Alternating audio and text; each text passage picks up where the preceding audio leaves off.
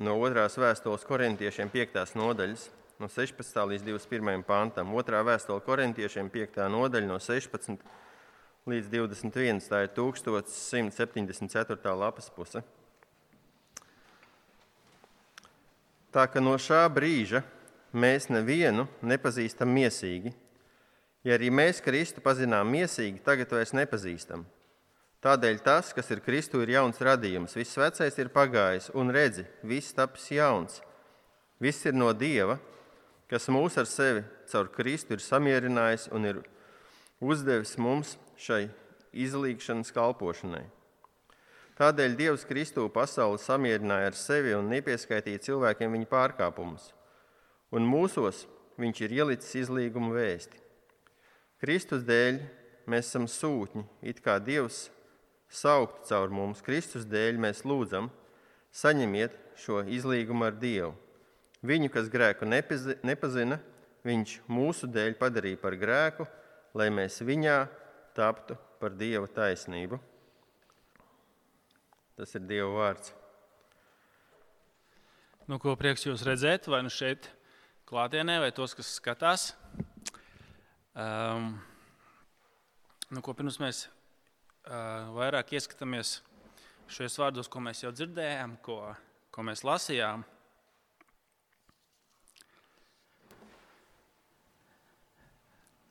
Es varu uh, nolasīt tā, tādu ievadu mūsu lūgšanai.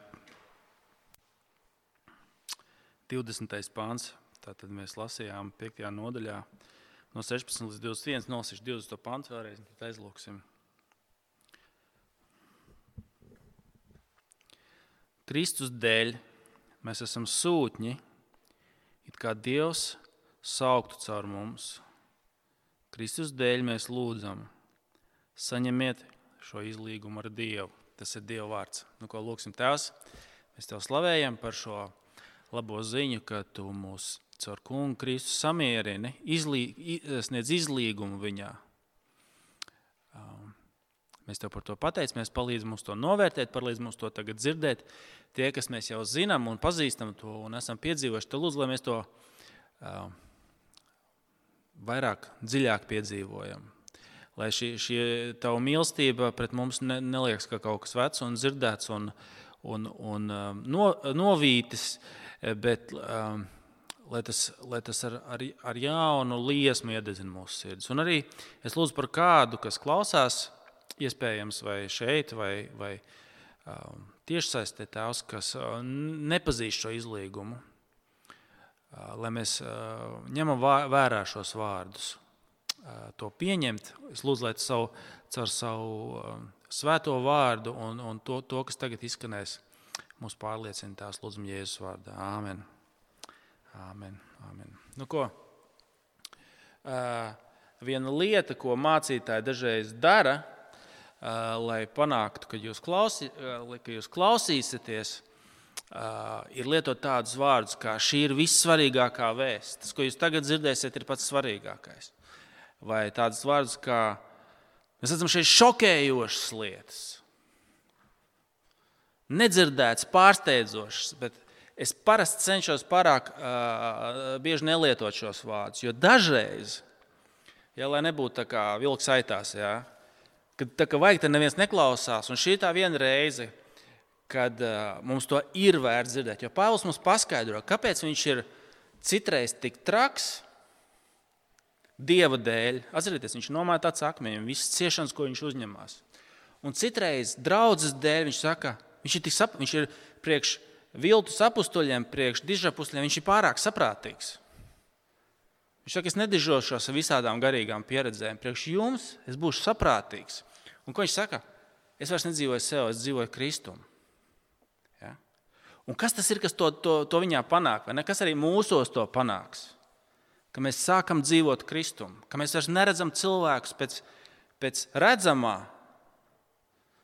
bet caur evaņģēliju un augšām celšanās jaunās pasaules prizmu. Ka, kas tas ir?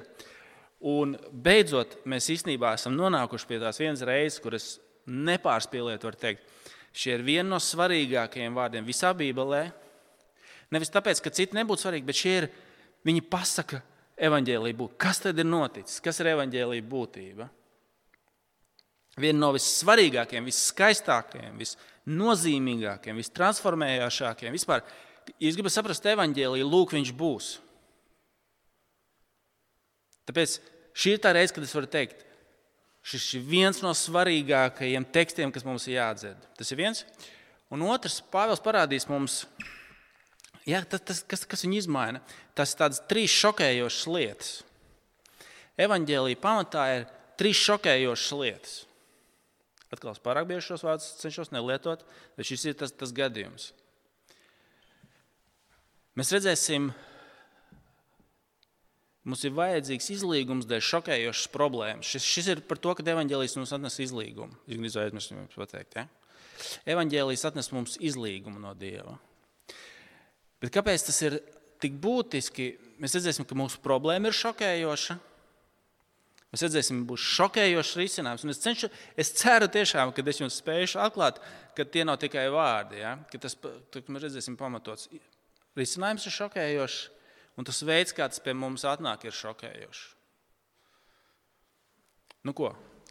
Pirmā ir šokējošā problēma. Kāpēc mums ir vajadzīgs izlīgums, kāpēc ir šī problēma? Un es jums gribu uzsākt ar nelielu, eh, kā to pasakot, testu. Ja, kā pie zobārsta, kad ir garlaicīgi, tu sēdi eh, vai šausmīgi nobijies, gaidi savu rindu, un tur ir žurnāls Santa vai Kosmopēlē, un tur ir tests. Nu, un es jums gribu iedot testu, svētdienas testu. Ja jums būtu jāpasaka,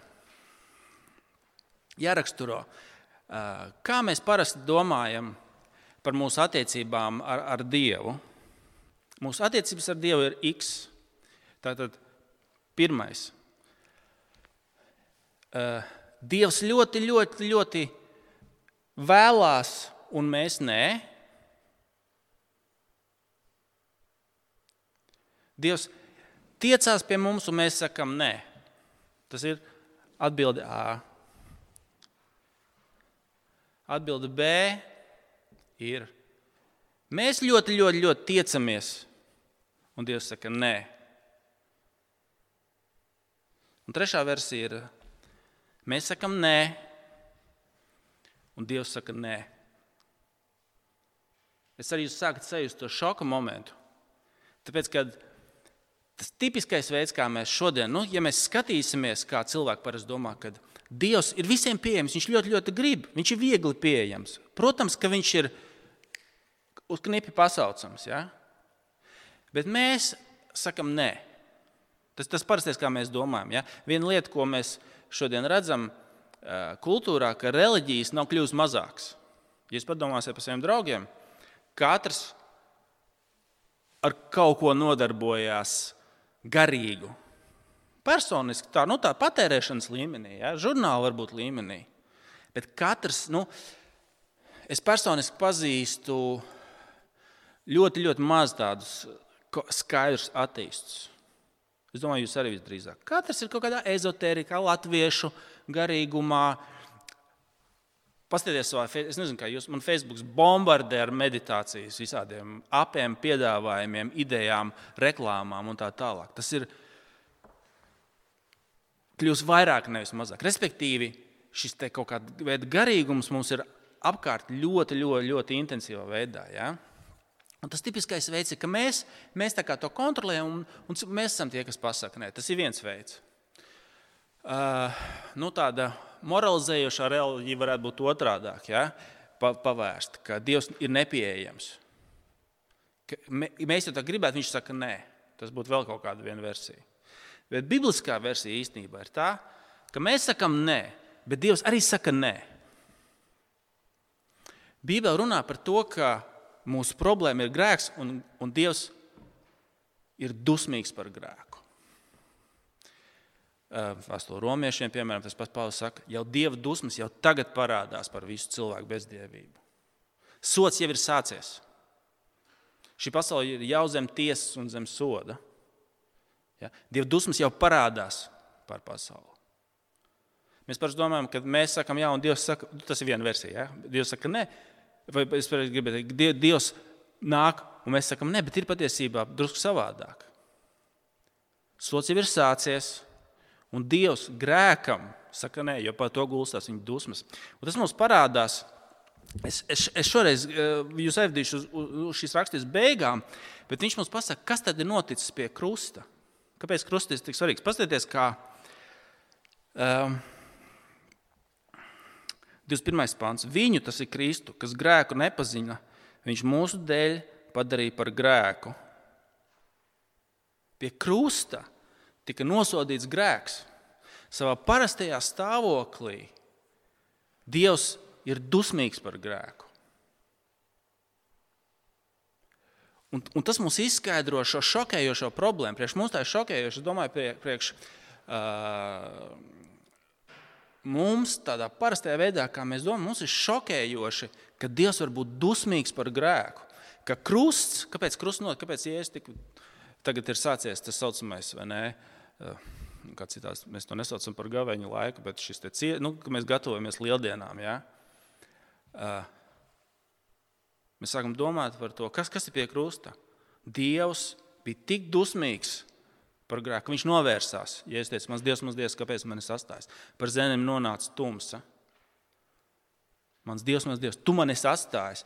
Un tas, tas ir tas šokējošā, pirmā lieta, šokējošā problēma, kad Dievs saka, man no tevis jānovēršās.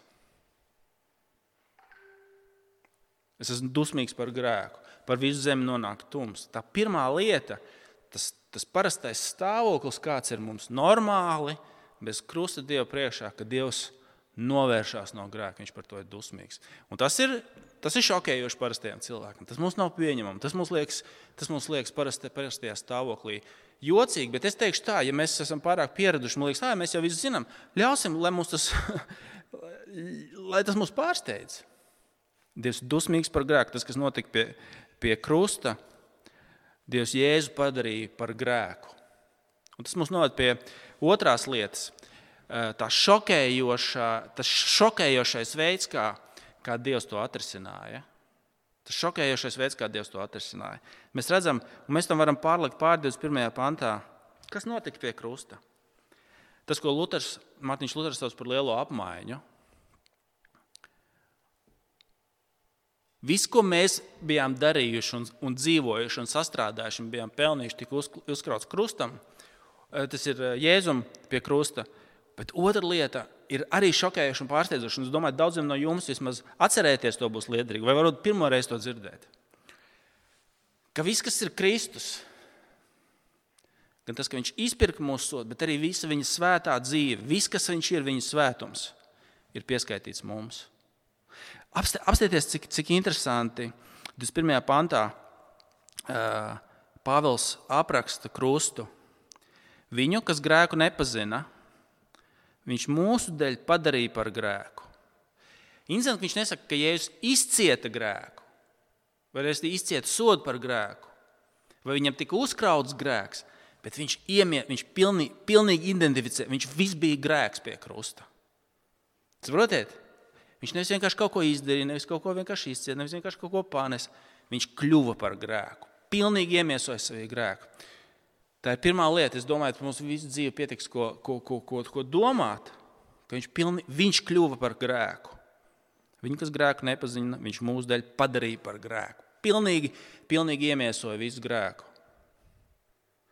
Bet tā otrā lieta, un tas šokējošais risinājums, un es ceru, ka tas mūs, tas mūs pārsteigs, Kas ir noticis tā rezultātā?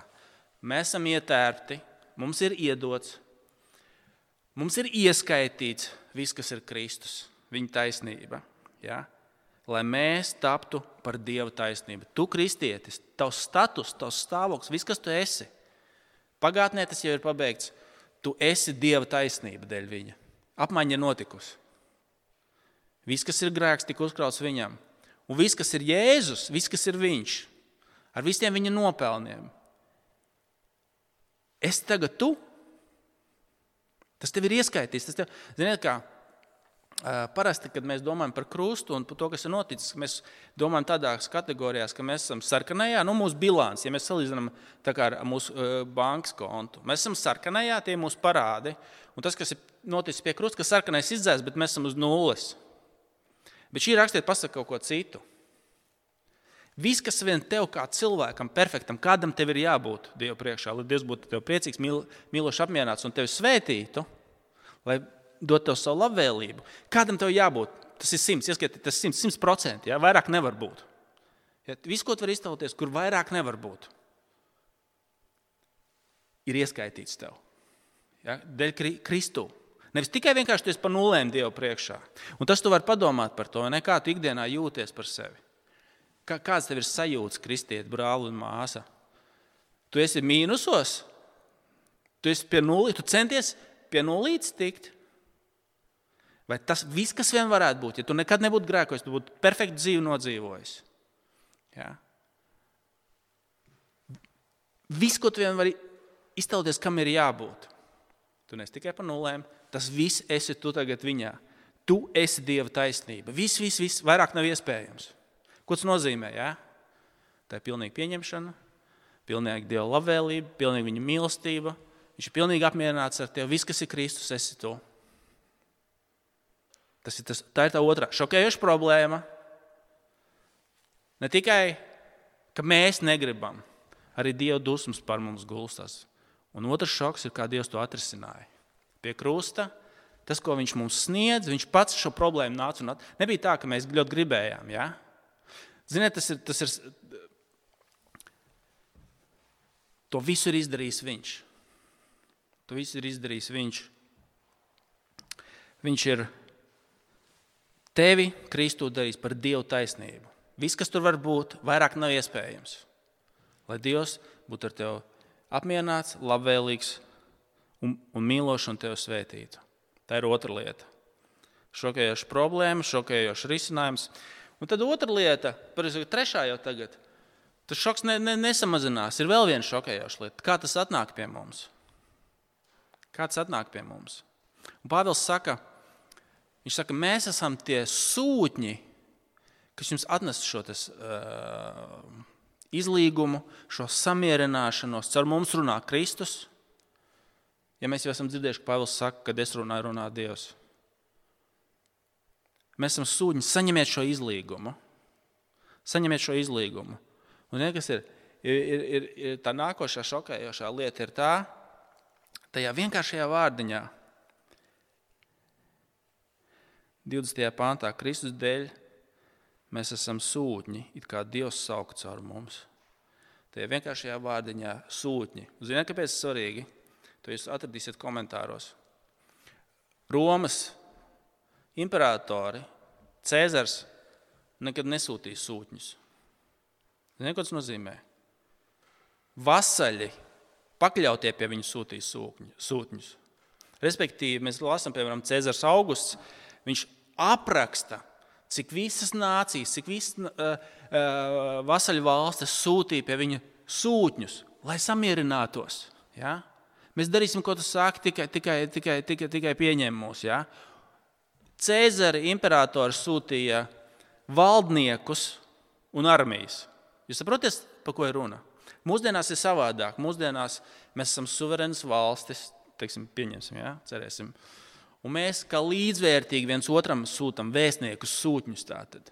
Pareiz, abas, tur Amerikas vēstnieks, Latvijas vēstnieks, it kā līdzvērtīgi. Ja? Romas impērijā tā nebija. Ķēniņš Cēzars, imperators, nesūtīja sūtņus. Sūtņus sūtīja vasaļi.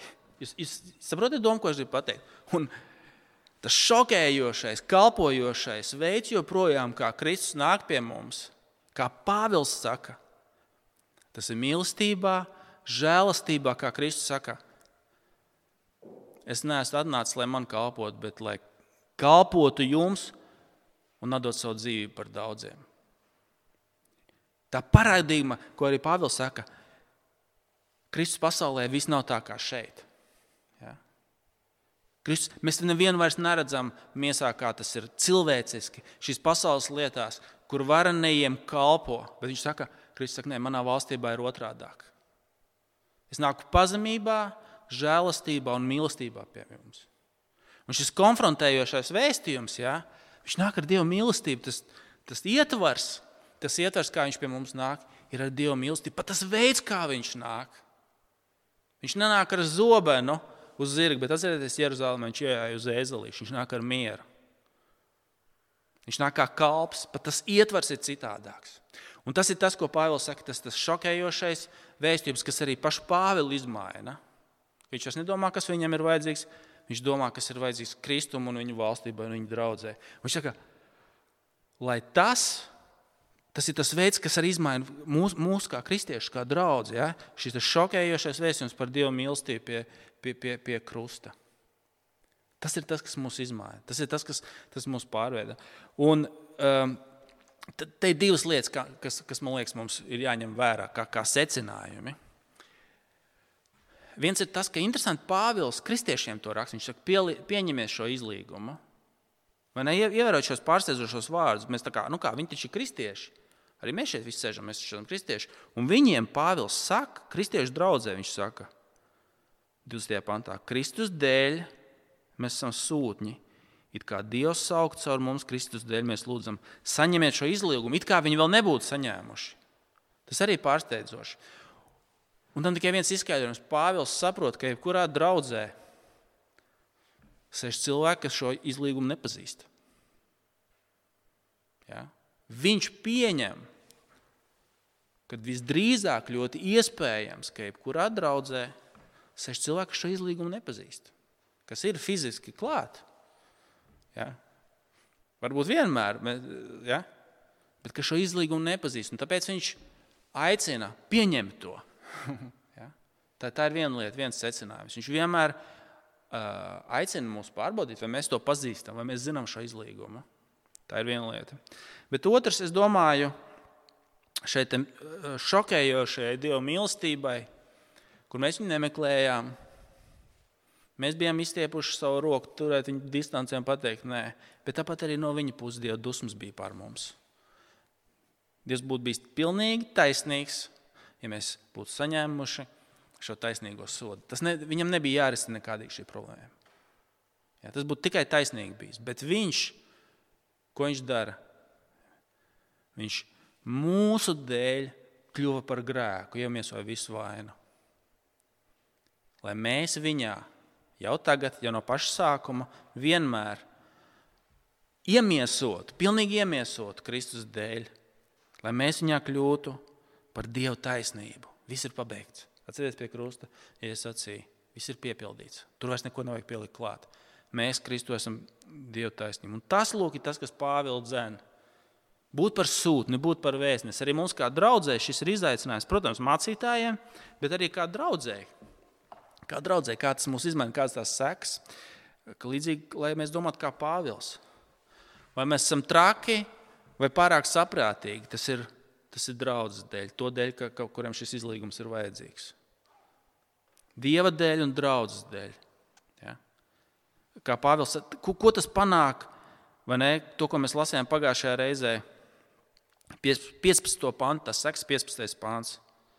Viņš ir miris par visiem, lai tie, kas dzīvo, vairs nedzīvotu sev, bet tam, kas par viņiem ir miris un augšām cēlies. Tas vēstījums tik, bagā, tik, tik dāsns ar Dieva mīlestību, ka tu pēkšņi vari teikt, ka es tagad varu dzīvot Dievam. Nevis kā piespiesti, nevis ar vādzi, nevis ar rīksti, bet dēļ tās mīlestības. Ja? Dieva mīlestība mūsu dzēna Pāvils saka. Lūk, viņa izpaužās, vai ne? Šī lielā apmaiņa, kas ir notikusi. Nu, ko? Um,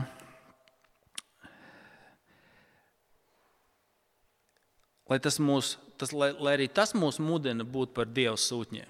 Ja? Kā draugi, kas ir mūsu uzdevums, būt par Dieva sūtņiem šai, šim izlīgumam, šai, šai, šai samierināšanai. Kas ir mūsu uzdevums kā draudzēji? Jā, mācītājiem pirmkām, pirmām kārtām, vārdu sludinātājiem, bet arī visiem kopā. Atcerieties, ko, ko panāk vasaras svētki. Kas ir tā lieta? Viņi visi būs pravieši. Reizi. Viņi visi būs pravieši. Mums kā draugs kopējais uzdevums ir uh, pašiem saņēmušiem šo izlīgumu. Ka mūsu sirds ir pārpludināts ar šo lielo apmaiņu, šīm labajām lietām, ko Dievs ir izdarījis. Kur mēs bijām pelnījuši sodu Kristus dēļ, viņa mīlestība bijusi tik liela, ka mēs esam kļuvuši par Dieva taisnību. Tur vairs neko nevar pielikt. Viss, ko var iztēloties, viss ir piepildīts. Lūk, un no tā nāk šīs lietas. Un tagad arī kungs mums piedāvā, piedāvā šo izlīgumu ikdienā. Citiem varbūt tā ir, tā ir pirmā reize. Pāvils pieņem, ka ir vienmēr kāds, kas to nav pieņēmis, kas klausās, kas nav pieņēmis, kas nepazīst. Viņš saka, mēs esam Dieva sūtņi pazemībā, ne rīkstu vai, vai zobenu. Nāca saņemiet šo izlīgumu. Un arī mums visiem ikdienā mums ir vajadzīgs mūsu grēki, mūsu apsūdz. Mēs zinām, ka mēs neesam arī kristieši pareizi. Mēs neesam dzīvojuši tā, kā vajadzēja. Mēs neesam mīlējuši tik ļoti, kā vajadzēja. Esam darījuši lietas, ko Dievs bija aizliedzis. Mums ir vajadzīgs pasludinājums par Dieva piedošanu. Lūk, Viņš ir ja, Kristu. Kristu viņš mums ir. Viņš, viņš kas grēku nepazina, kļuva par grēku, lai mēs Dievā varētu kļūt par Dieva taisnību. Tas ir Dieva piedošanas apsolījums.